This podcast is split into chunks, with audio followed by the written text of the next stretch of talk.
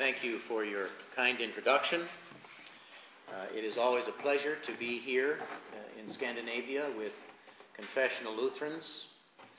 Uh, you will know how much I enjoy this experience uh, when I tell you that my daughter is about to give birth to my third grandchild any day now. But I'm here with you.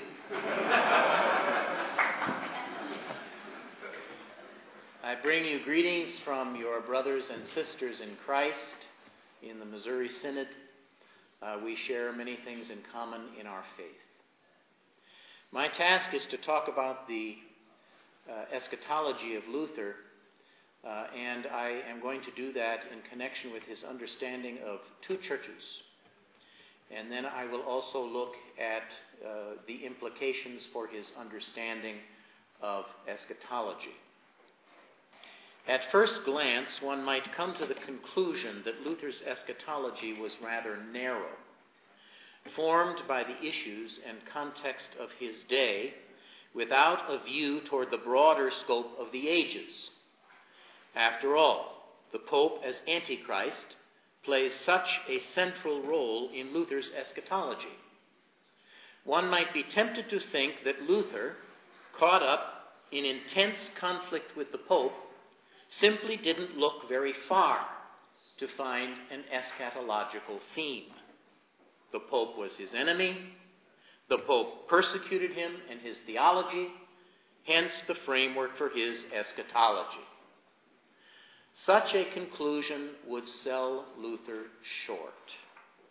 No doctrine was more central to the theology of Martin Luther and to the Reformation than the doctrine of justification Thus, it was around this doctrine that Luther's ongoing battle against the papacy was focused from the year 1520 until the year of his death in 1546. It was because Luther came to view the Pope as an antagonist of the gospel that he attacked his office, his church, and his ministry. But in fact, every teaching of Luther and the theme for his entire life after, after 1517 flowed from his understanding of the doctrine of justification. Thus, it is hardly surprising that it is the doctrine of justification that gave form also to Luther's eschatology. And the fact that the Pope would hold such a prominent position on Luther's eschatological stage was due to the fact that in Luther's mind, the Pope was the greatest enemy of the gospel in the history of the world, and Luther did not believe that the world was going to be lasting much longer. Thus, no one else would arise to take the place of the Pope as the central figure standing against Christ in the eschatological struggle of the church that would come to an end only upon Jesus' return. Luther's eschatology might also appear a bit boring or unexciting to those accustomed to the fanciful imaginings of today's apocalyptical authors who describe battles between demons and angels, sometimes between godly and ungodly armies, or who proclaim the coming rapture of hundreds of thousands, if not millions, out of this world Today, fairy tales are far more appealing to those influenced by multiculturalism and pluralism than are doctrinal truths. Thus, a series of books based upon the coming adventures of those raptured and those left behind sell millions of copies, while a growing apathy regarding biblical doctrine or even the possibility of the expression of absolute truth creates tremendous challenges for those who simply want to continue to confess what the church has always confessed, also in its eschatology. Luther's eschatology is based on doctrine, and at the center of his eschatology is the doctrine of justification. For that reason, his eschatology has reference to anything and everything which impinges upon the doctrine of justification. In his intent, therefore, to identify the lawless one, of whom the Apostle Paul speaks, the one who serves Satan for the purpose of deception, it is his desire, in his desire to expose the Antichrist, of whom the Apostle John speaks, the one who will deny the Father and the Son, Luther is not content simply to compare the activity of the papacy with those scripture passages usually associated with the person of the Antichrist. He does do that, but he does more.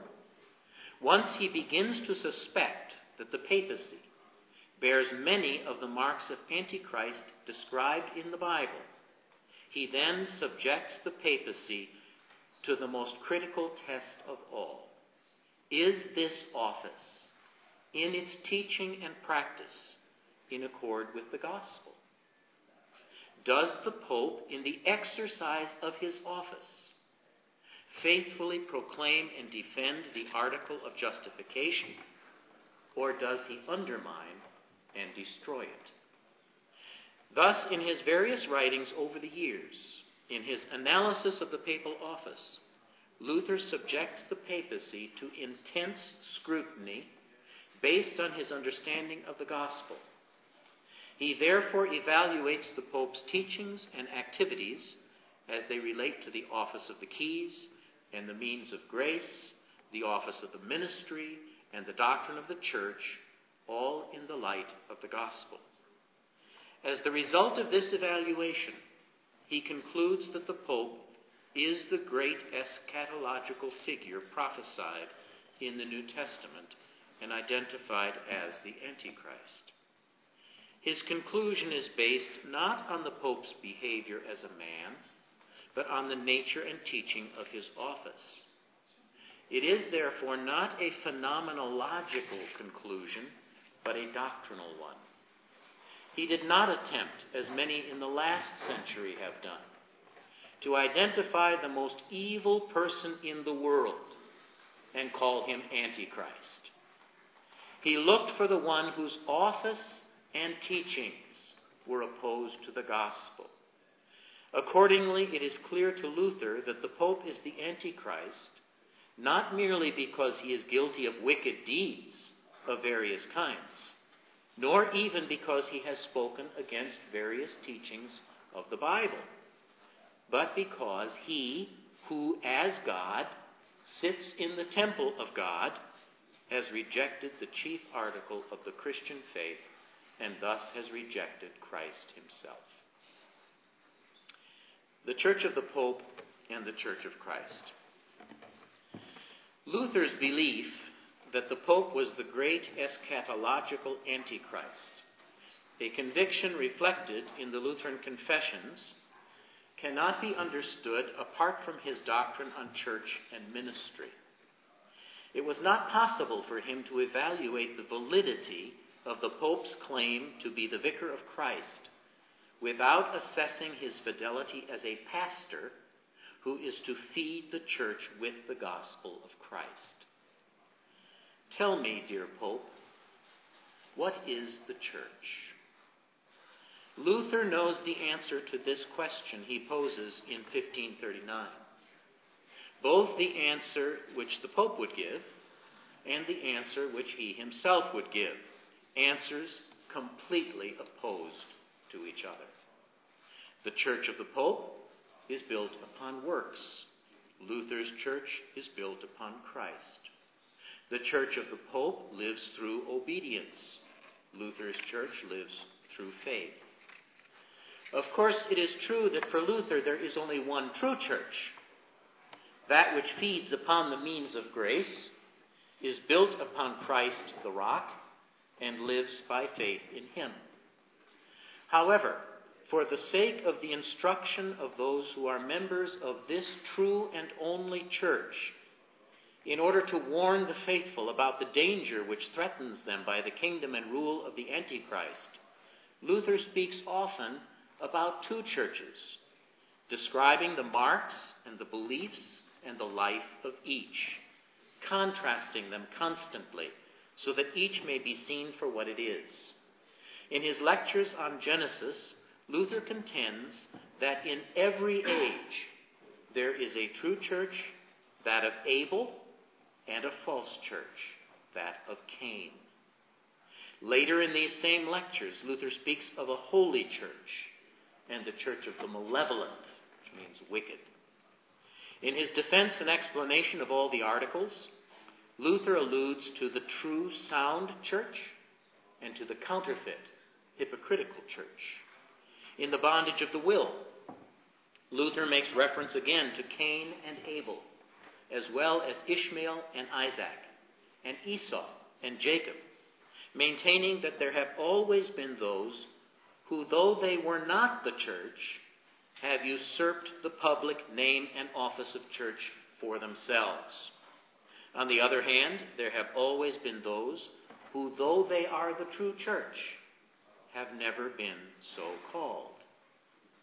For Luther, it is incomprehensible that alongside and against the true church there should not also be the false church.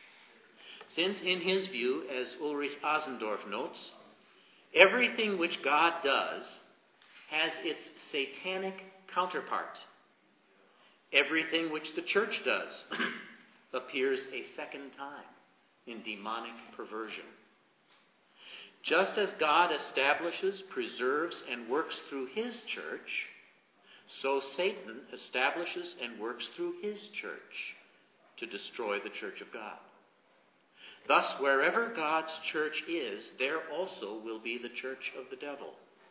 As Luther puts it, quote, Now when the devil saw that God built such a holy church, he was not idle, and erected his chapel beside it. This devil's chapel, this false church, is, of course, the papal church, the church of the Antichrist, not to be confused with the visible church of Rome. I need to repeat that. Luther does not equate the papal church with the Roman Catholic Church. Okay?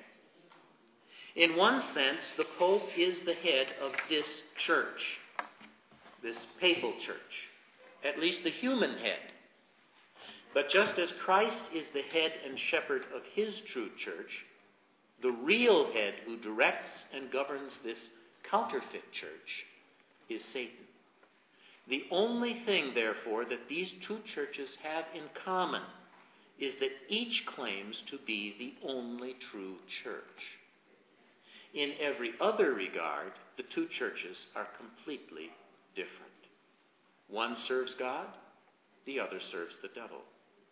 One lives in faith, the other in doubt or unbelief. Within one is found life, within the other, damnation. It is not possible, therefore, for someone to belong to both churches. Just as God and the devil oppose each other, so their respective churches exclude each other. For there is no middle kingdom between the kingdom of God and the kingdom of Satan, which are ever at war with each other. That was a quote uh, from Luther. Just as Luther did not identify the Pope as Antichrist until his doctrine of justification had matured, so his doctrine of justification was crucial also to the development of his teaching concerning the priesthood of all believers and the nature of the true church. Once Luther understood that the righteousness of the believer before God was not his own, but the imputed righteousness of Christ, it was no longer possible for him to identify the Church of Rome as the only true Church of Christ. For if the righteousness of the Son of God is mine, then no further satisfaction for my sins needs to be made. But in Luther's view, it was to provide satisfaction for sins that the entire Roman or papal priesthood functioned. The very existence of this priesthood to make satisfaction to God was a denial of the sufficiency of the satisfaction rendered by Christ. And uh, here I quote Luther, and he writes against Hanswurst and says this had the notion of satisfaction not arisen, then indulgences, pilgrimages, brotherhoods, masses, purgatory, monasteries, convents, and most abominations would not have been invented. End of quote. Therefore, and here I quote again, this matter of satisfactio, satisfaction, is the source and origin, the door and entrance to all the abominations of the papacy. Unquote. If perfect satisfaction has already been made by Christ for all mankind, there is no need for any other acts of satisfaction. The papal priesthood, then, with its function of providing satisfaction, becomes superfluous, unnecessary. Its continuing existence denies that Christ is the substitute who, through his suffering and death, took man's place in judgment and thereby rendered satisfaction for him. Luther often calls the false church the Roman church, not to identify the false church with the visible Roman Catholic Church of his day, but because the head of this false church happens to be the Bishop of Rome, the Antichrist. Of course, Luther recognizes that not everything the Pope does can be said to be the work of the Antichrist. Luther distinguishes clearly between the person and the person's exercise of his office. Here I quote again We confess that there is much that is Christian and good under the papacy. Indeed, everything that is Christian and good is to be found there and has come to us from this source. For instance, we confess that in the papal church there are the true holy scriptures. Thank you.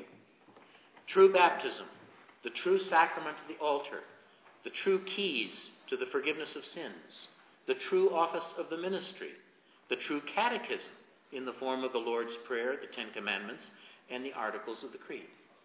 End of quote. Much of what the Pope does, therefore, is Christian and does not mark him as Antichrist. Those who still live under the papacy in the Roman Church may therefore be Christians. Another quote I contend that in the papacy there is true Christianity, even the right kind of Christianity, and many good and devoted saints. Unquote. Luther sees that there are many true saints under the papacy. But to be under the papacy and to be of the papacy are not the same thing. Nor is every priest necessarily a papist. One cannot, therefore, with the eyes, apprehend the full extent of this false papal church. If that were the case, the battle could be fought with human armor and weapons. The struggle, however, is a doctrinal one. It is a contention between two faiths. And for that reason, the battle cannot be waged with human hands nor seen with human eyes. Nevertheless, it can be said that Luther's struggle was one for the hidden church against the visible church. In one sense, both churches are hidden. Because although each has its marks, and thus its presence can be ascertained, it can be, it can be uh, made evident that it is there, one cannot always know who is a member of which. However, in Luther's view, it is the nature of the Church of Christ to remain hidden whereas the church of Satan, insisting it is the true church, constantly attempts to assert its status as the visible church of God. The church of Christ is hidden. Just a remark there. Uh, the nature of the false church is to assert itself as that which can be seen as the church of God.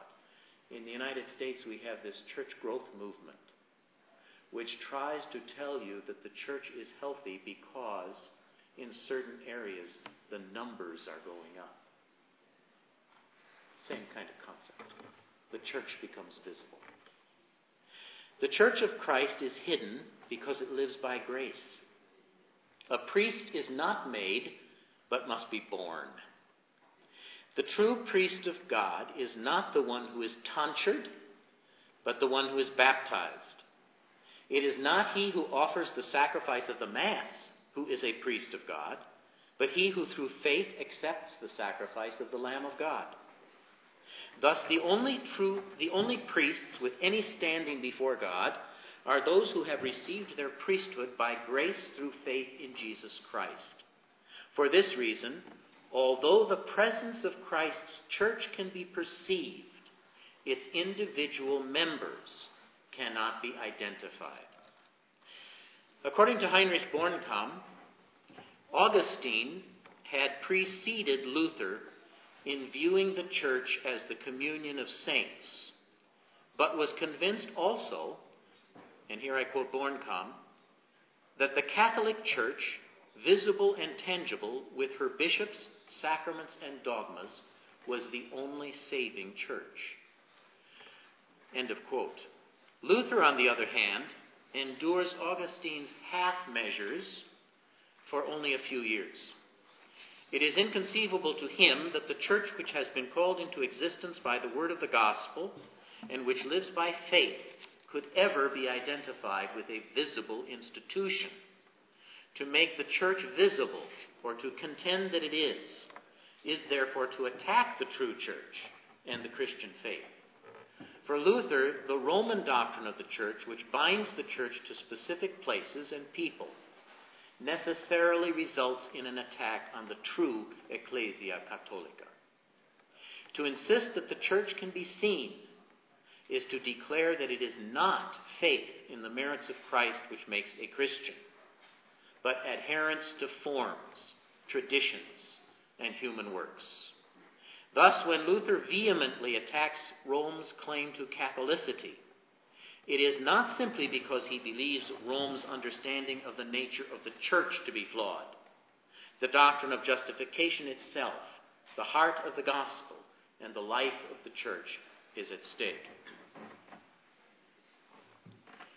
It is hardly surprising, then, to find Luther maintaining that since the Roman church is seen it is for that very reason not the true church. And I'm not saying here not the true visible church. We're talking about the hidden church. For if faith sees not with human eyes, then the church of the faithful cannot be seen with human eyes. To insist that it can is to deny that the church is made up of Christians, that is, people who trust in the merits of Christ. That church, therefore, which desires to be visible, is a church which wishes to live by works and not by grace. For Luther, the false church and the true church are by their very nature involved in an unending struggle against each other. And it must be an unremitting struggle. For the struggle between the two churches is nothing other than the unavoidable strife between law and gospel.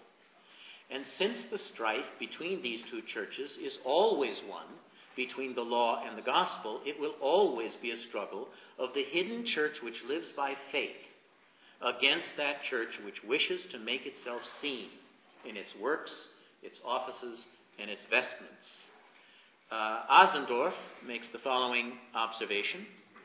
The true church stands in incessant battle with the false church as the law attempts to stifle the gospel.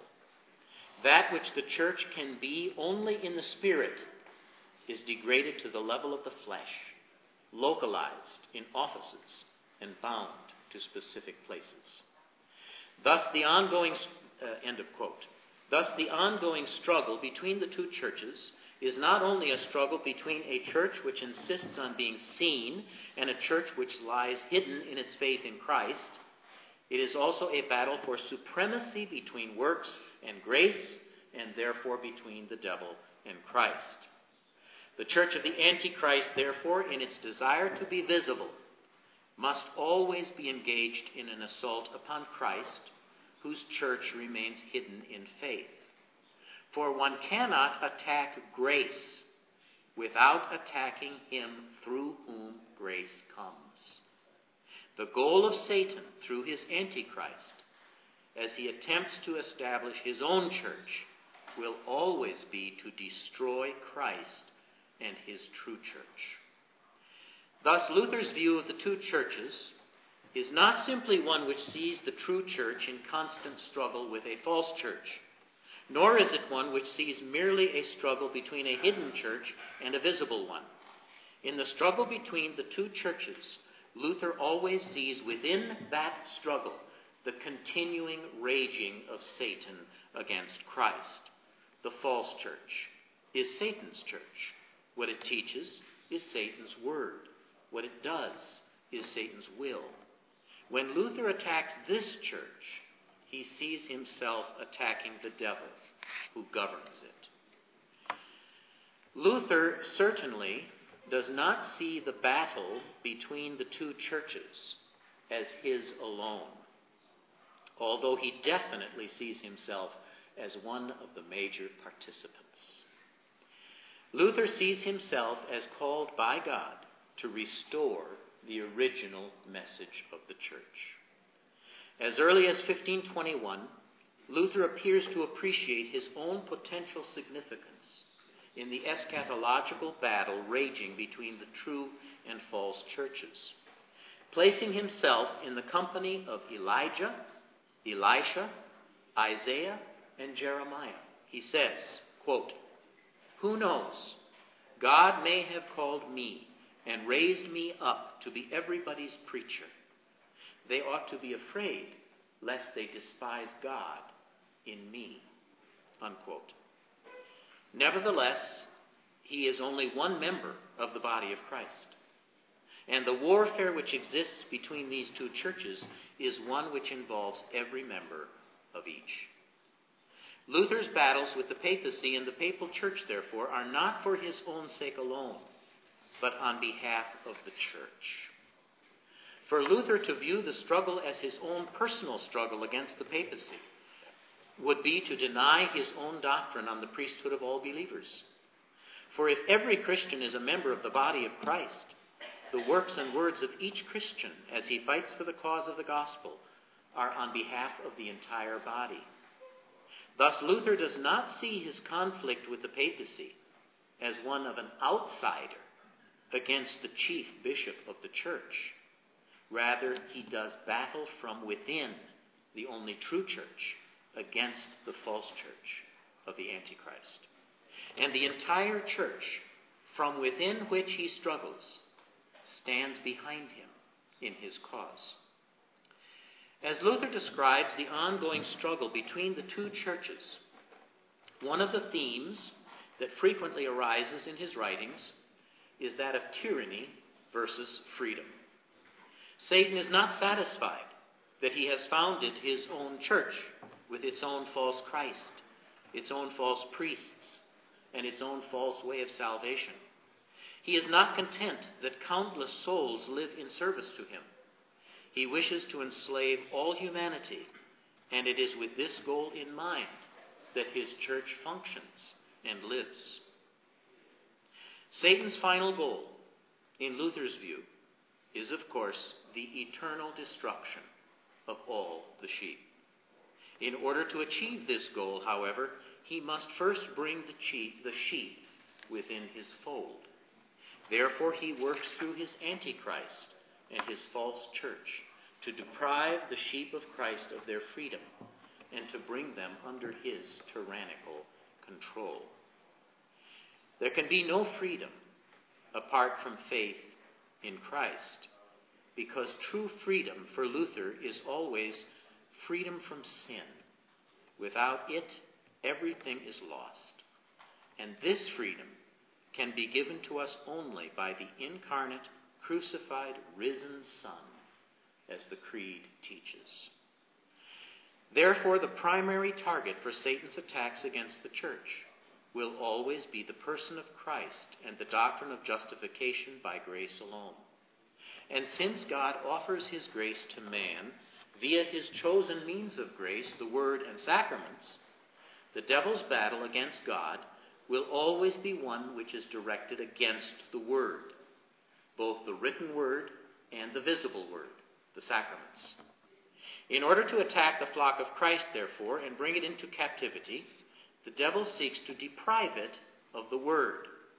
It is the Word which is the pasture for the sheep, for it contains the gospel, which gives life and sustenance to the church.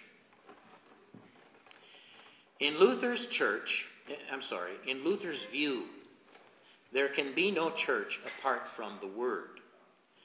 Thus, it is not surprising to find Luther making reference frequently to the papacy's attacks on the Word. For any attack on the Word is an attack on the church. Also, when the papal church attacks the Word, it does not do so simply with the intention of enforcing its own point of view. It's not just to establish one opinion over against another opinion. The intention of every attack on the Word is to destroy the true church, to bring about its eternal damnation. It must always be remembered that these attacks are made on behalf of him who is the true head of the papal church, the one for whom Antichrist speaks, the devil. Therefore, Luther's battle for the Word cannot be seen only as a battle for the glory of God, or even a battle for the vindication of His Word. It is always also a battle for the church and her salvation. The Word creates the church and the church is created in order that she may be saved. Luther is speaking of the salvation of the church when he says in the Smalcald Articles, quote, that this treasure, therefore, might not lie buried, but be appropriated and enjoyed. God has caused the word to go forth and be proclaimed, in which he gives the Holy Ghost to bring this treasure home and appropriate it to us. Unquote. On the other hand, as Luther sees it, there can be no salvation in the papal church because the Holy Spirit works through the Word in order to create faith, and faith is always created in order to save. But in this false papal church, the Scriptures are suppressed. Thus, Luther says concerning this papal church that because it does not preach the Word, which brings the treasure of salvation, it cannot be considered Christian. And here I quote Therefore, it is not a Christian church either. For where Christ is not preached, there is no Holy Ghost who creates, calls, and gathers the Christian church, without which no one can come to Christ the Lord. The freedom of the church, therefore, is bound together with its possession of the Word. One thing and only one thing is necessary for Christian life, righteousness, and freedom. That one thing is the most holy Word of God, the gospel of Christ. In its attempt to oppress Christ's church and rob it of its freedom, the false church, as I noted earlier, attempts to rob the true church of the Word. However, if they cannot completely eliminate uh, excuse me. However, if they cannot completely eliminate the word, the devil and his church attempt to conceal it or to obscure it, and so to deprive it of its force. Just as Satan attempted to use the scripture in his temptation of Jesus, so the papal church often uses the scriptures to carry out its evil work, but not with the intention that these scriptures be understood. Thus, at times, Luther does speak of the papacy as having the Word. But because the Pope boasts that he and his church are above Scripture, and that Scripture receives its authority from the Pope, Luther can also say of the Pope's new church that it is without God's Word. The eschatological struggle of the church. Since Christ and Satan must always be at enmity, it is inevitable that their respective churches will stand against each other until the day of judgment. The Antichrist, therefore, as head of the false church, is for Luther an eschatological figure, a sign that the end is near. Once Luther has established in his own mind that the Pope is indeed the Antichrist prophesied throughout the Scriptures, it is clear to him that he is involved in a struggle which will be brought to its conclusion only by the return of Christ. It is a struggle which has been going on since the time of the fall. Although the Antichrist himself does not enter the arena of human history until long afterward, Cain is nevertheless a member of his church. In fact, Luther says Cain wants to be the Pope and the father of the church. This is a quotation. Therefore, he appropriates to himself the right to pass judgment on the sacrifices, and he condemns and slays his brother as a heretic. End of quote.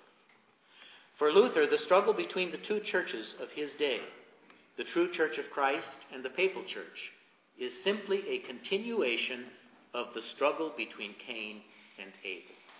Thus he says, This wrath of Cain we also observe in the Cainite church of the Pope. End of quote. However, the persecution and suffering of the true church will not continue forever. And this is another quote from Luther. There is a judgment coming between the full and the hungry, between the goats and the sheep, and between Abel and Cain. In it, God will announce his approval of that suffering and hungering church, and also his condemnation of the hypocritical and bloodthirsty one. This is our comfort and, as it were, the sugar with which our present hardships must be flavored and overcome. End of quote. Luther's understanding of the nature of the church's struggle can only be understood when viewed in the light of his doctrine of justification. Once again, Ulrich Asendorf writes at length on the eschatological character of Luther's view of justification and demonstrates how closely in Luther's mind the doctrine of justification is related to the eschatological struggle of the church. In fact, the church's struggle began, he says, with the cross of Christ. And here I quote Asendorf. With this cross, the eschaton broke into human history because God's last great battle against the powers of evil had begun, a battle which would end with Christ in open victory before all eyes. Unquote.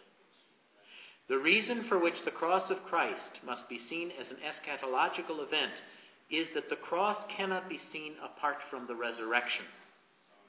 One of the fruits of the cross for the Christian is the resurrection.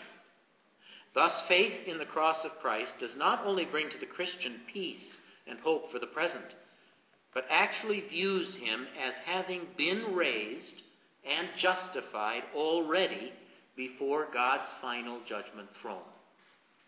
It is a grave mistake, therefore, to treat Luther's theology of the cross in such a way that cross alone is stressed to the exclusion of the resurrection, for Luther grasps them as a unity.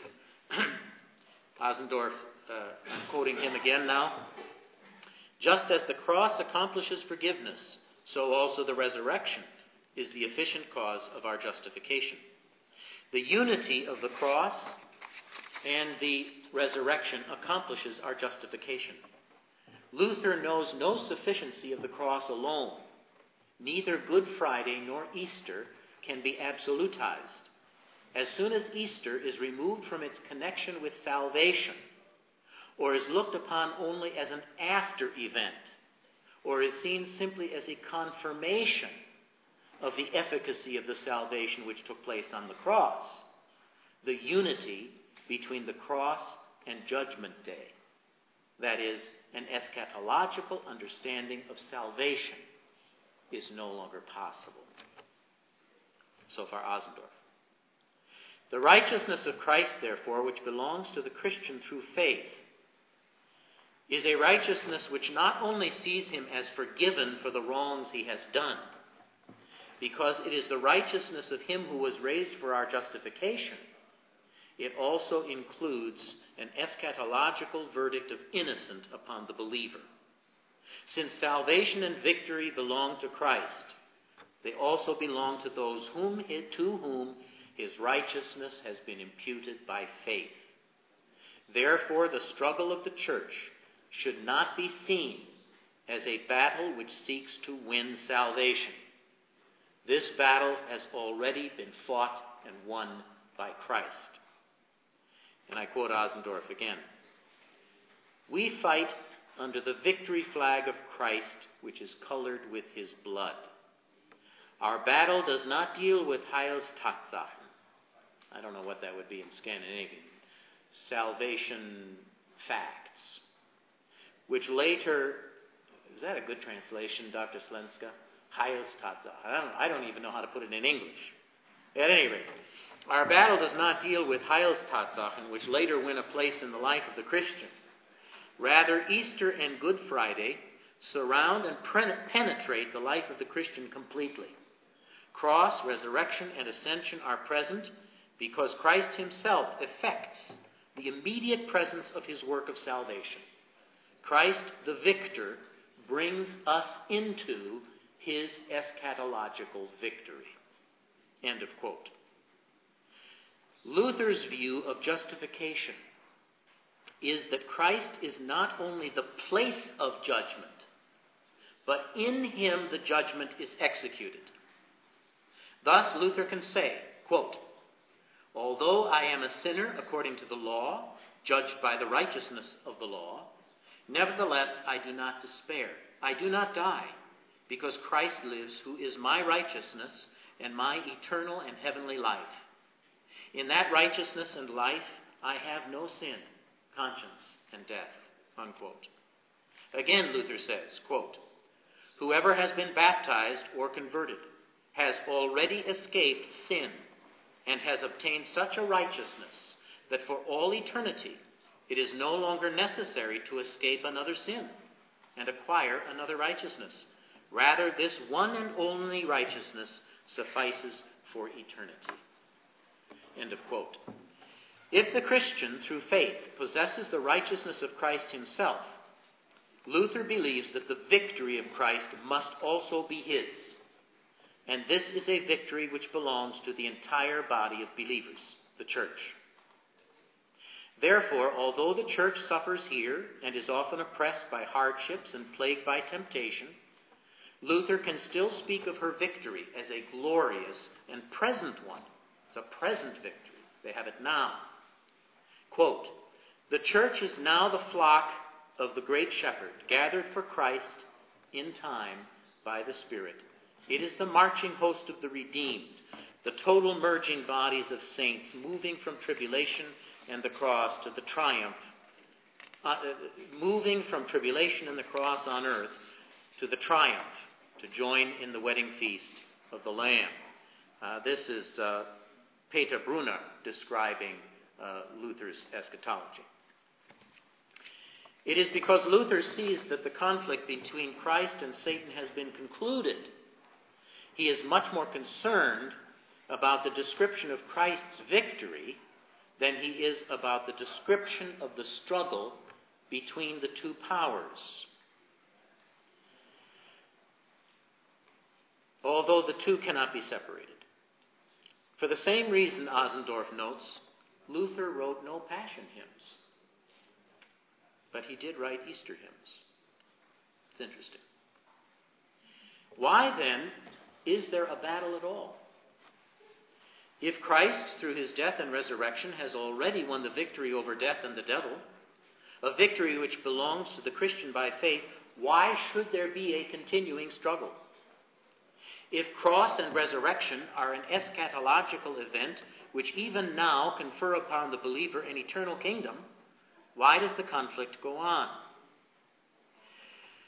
In the first place, although the victory has indeed been won by Christ, it is a victory hidden from the world.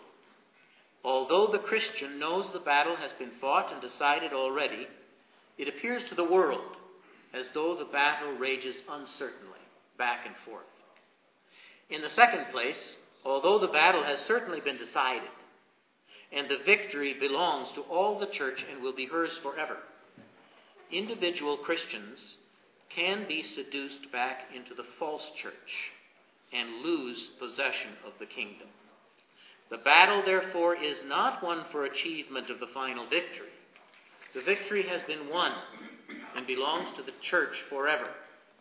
Rather, it is a battle for souls, which will rage between the false church and the true church until the last day. It is the destruction of souls which Luther sees as the papacy's greatest crime. For thousands are killed without ceasing by Antichrist and his priests. This is a quotation of Luther. The doctrine of justification will always be at the center of the battle for souls between the two churches, for there is no other way to heaven than that of the cross. Luther envisages history in its totality as an incessant struggle against the truth of the faith expressed by the article of justification by faith. So I suppose if you wanted to have a summary, uh, a very brief summary of Luther's eschatology, I could simply repeat that sentence. Luther envisages history in its totality as an incessant struggle against the truth of the faith expressed by the article of justification by faith. And that really hasn't changed between Old Testament and New Testament, uh, between Luther's day and ours. Since it is the central doctrine of the Christian faith, since without this doctrine there is no Christianity, the doctrine of justification is really the only doctrine which the Antichrist and his false church are intent upon destroying. Quote, Satan's struggle has no other purpose than to rob the cross and resurrection as eschatological facts of their power. And here again, that's not Luther speaking, uh, that's Asendorf. Therefore, it is hardly surprising to discover in Luther a heavy emphasis on the papacy's hatred of the gospel. If the Pope is truly Antichrist, his very office requires him, as his foremost duty, to seek the destruction of that doctrine which is the chief article of the Christian faith. And it is one of Luther's most frequent charges against him that the Pope does just that. The papacy opposes the whole Christ, Luther says in a sermon in 1527, and is therefore the true Antichrist. The purpose of the Antichrist in raging against the gospel is all the more evil, however, in view of the consequences in store for the souls that are entrusted to his care. Since Luther's Christology is truly soteriological, it is not possible for him to view the office of the Pope apart from the effects which the exercise of that office has on the people. The result of the suppression of the gospel by the Pope is not simply a victory for the Pope against his enemies, it is the destruction of the church. When the sheep are fed poison, they die. And the death of the sheep is the true purpose of the Antichrist. That's Luther's view. The entire papacy is a struggle against Christ's righteousness. Luther says this in 1530.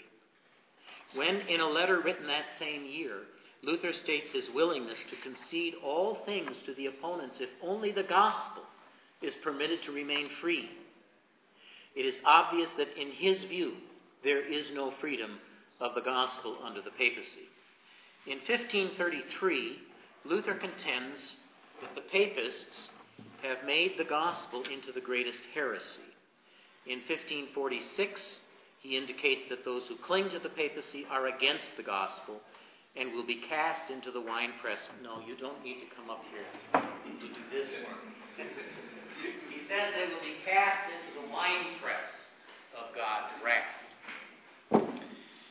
Uh, that's 1546. Uh, Once again, it should be noted that those who cling to the papacy are not to be identified and I have to stress this, they are not to be identified with those who belong to the Roman Catholic Church.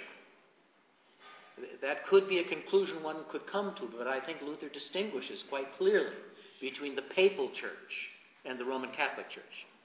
Rather, uh, those who cling to the papacy are those who embrace the Pope's teaching of works against grace. These are the true members of the papal church. Since the struggle between the two churches is a struggle for souls, it will always be a struggle over the gospel.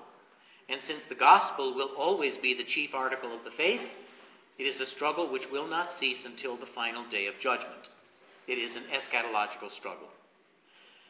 Asendorf puts it thus The true and false churches strive with each other until judgment day.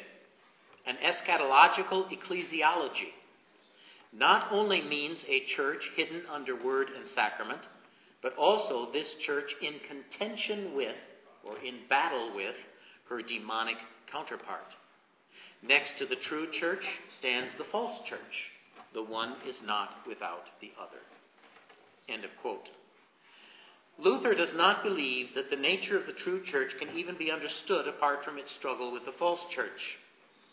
Unless Christians understand that Antichrist, acting on behalf of Satan, always seeks to destroy the gospel and thereby the flock of Christ, they will not be prepared to stand in battle against the false church. Therefore, it is to warn the members of Christ's church that Luther, as a member of that church, does battle against Antichrist and his church. Luther believes that the end is near. And although he knows that no human hand shall destroy the Antichrist, he nevertheless senses that God has an important role for him to play in the eschatological struggle nearing its close. He writes in a letter to Staupitz My father, I must destroy that kingdom of abomination and perdition which belongs to the Pope, together with all his hangers on. Christ is doing this without us, of course, without the help of a human hand, solely through the Word. End of quote. Although Luther is always quick to give Christ the glory for the victory over the papal kingdom, he is not unaware of the significance of his personal attack on the papacy, or I should say, his personal significance in this attack on the papacy. Luther believes that he has not only discovered the gospel, he has also startled the devil. The devil now rises with fire and sword to quench the proclamation of the gospel. Luther perceives the raging of Satan as a sign that the end is near. Satan feels his wound. Uh, this is a quote of Luther. Satan feels his wound. That is why he is raging this way and throwing everything into confusion. Unquote. Against this raging of the devil, Luther is daily challenging Satan and his armor all the more, however, so that the day of Christ may be hastened in which he will destroy the Antichrist. As Luther got older, it became apparent to him that he might not live to see the return of Christ and the destruction of Antichrist. He believed, however, that even after his death, the work which he had begun would continue as a significant assault upon the institution of the papacy. Believing in 1530 that his death was near, he had chosen as an epitaph Living I was thy pest, dying I shall be thy death, O Pope. That was Luther's epitaph he chose for himself. Luther recognizes, of course, that others will have to continue the work which he had begun prior to the baptism of his own son Paul in 1533, he expresses his hope that God may raise up out of this child a new enemy of the Pope. But Luther is also afraid that after his death, the battle will cease to rage so violently. Not because Antichrist will have been destroyed, but because his presence and activity will no longer be perceived. Luther believes that those of the younger generation, or at least he fears this, those of the younger generation who have not experienced the papacy will forget how wicked it was. It is this fear, coupled with his anguish over the potential destruction of so many souls, that accounts for his vitriolic polemics in later years. I, I don't know another good word for vitriolic. Do you have that word? Scandinavian? Uh, uh, bellicose. There's another good Latin word for you. Uh, not violent, but, but increasingly aggressive and angry. His comparison between, uh, if you look, if you have a comparison between his work, The Babylonian Captivity of the Church in 1520, and against the Roman papacy, an institution of the devil, in 1545, you will see a substantial change in Luther's method of attack against the Antichrist. In both treatises, Luther expresses the same view of the Pope as the enemy of the gospel and the true Antichrist. However, the latter work uh, is far more vicious, I suppose you could say, than the former. And the reason for the greater severity of Luther's attack on the papacy in 1545 should not be sought in his assessment of the respective popes. Luther does not indicate that he views the person of Pope Paul III, uh, who was, uh, whom he was attacking in 1545, as more wicked or dangerous to the cause of the church than was Leo X. It is true that he uses far more vulgar language in describing the papacy of 1545 than he did in 1520, however. It is also true that Paul III is insulted profusely by Luther uh, in 1545. He refers to him as Dear Paulie, dear donkey. The Holy Virgin, St. Paul III, Madam Pope. And frequently as your hellishness. However, the real purpose of Against the Roman Papacy, an institution of the devil, is not to deal with Pope Paul III personally, but with the institution of the papacy, as it stands against Christendom. The title itself indicates Luther's intention to speak against the office of the Pope rather than against, it, its, uh, against his person. Luther often speaks in very negative terms about past popes as well.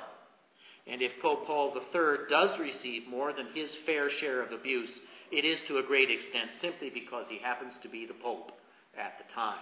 And this is late in Luther's life. And he is becoming more frustrated, I believe, and angry uh, with the fact that uh, the abuses continue. Mark Edwards contends that Luther's treatise against the papacy in 1545 is intentionally violent and vulgar.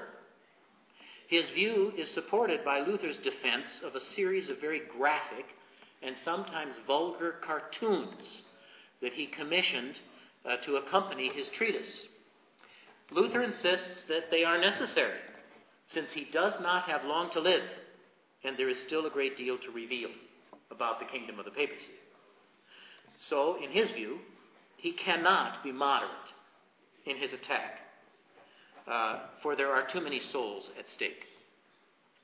Already in 1522, Luther has described the masks of the Pope uh, as, and those he would call papists, as raving wolves and hellish soul murderers.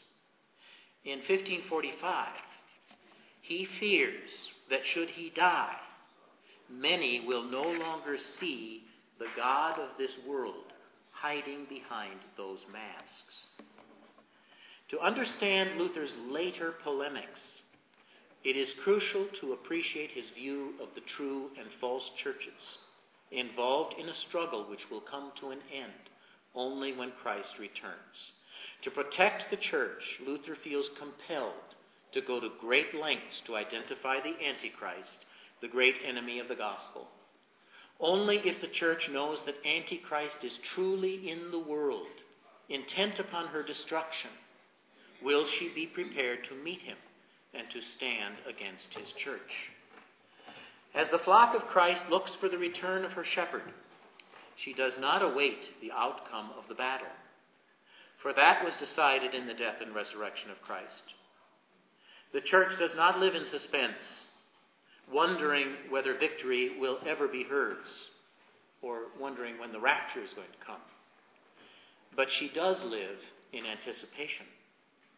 Although the victory already belongs to her, she still awaits her final deliverance. For Satan, who knows that his time is short, rages in the throes of death against the church of Christ. Therefore, says Luther, we live in the midst of Sodom and Gomorrah and Babylon. This is a quote. We live in the midst of Sodom and Gomorrah and Babylon. Nevertheless, we do have the plain and true doctrine of the gospel as a clear light in the midst of a perverse and crooked generation of darkness.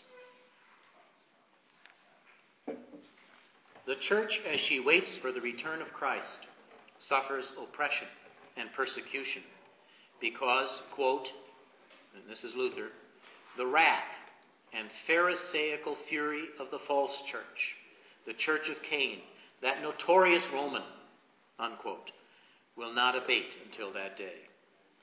But in her eager waiting, she does not need to fear. Christ and his righteousness belong to her.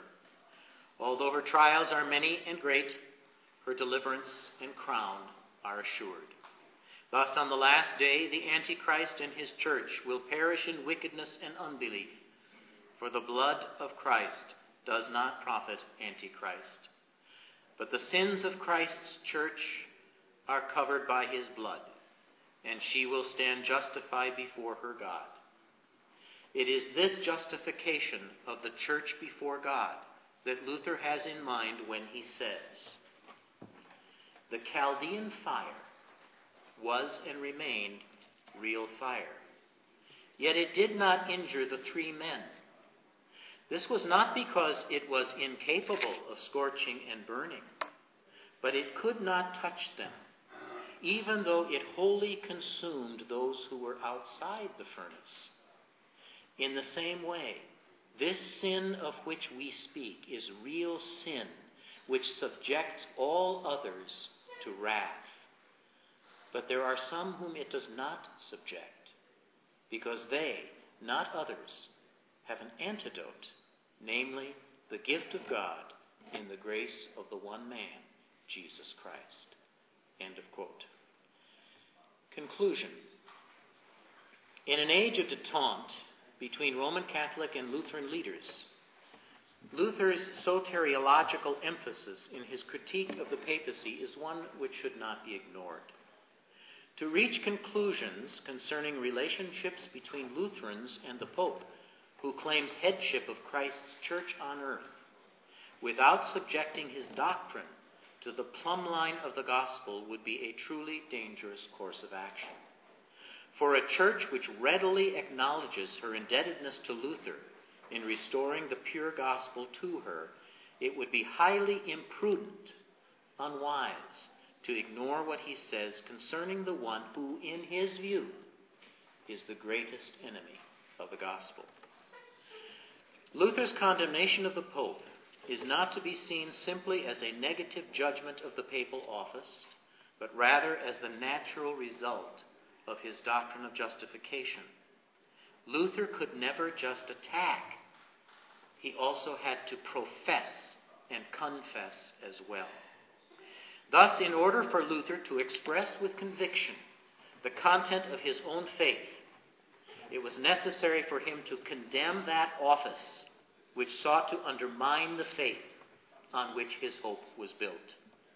Luther's condemnation of the papal office was, therefore, not primarily an attempt to rebel or to destroy, but to confess the truth of the gospel of Christ so that the true church might be nourished and grow. His view of the Pope as a remarkable eschatological figure flows naturally out of his conviction that the article of justification by grace through faith for Christ's sake alone brings hope and life to the church, and therefore will always be the focus of Satan's attack. And the church will be sustained and strengthened and nourished and revived by that same gospel which is under attack.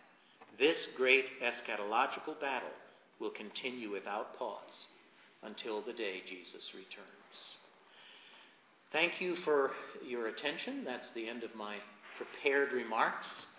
Uh,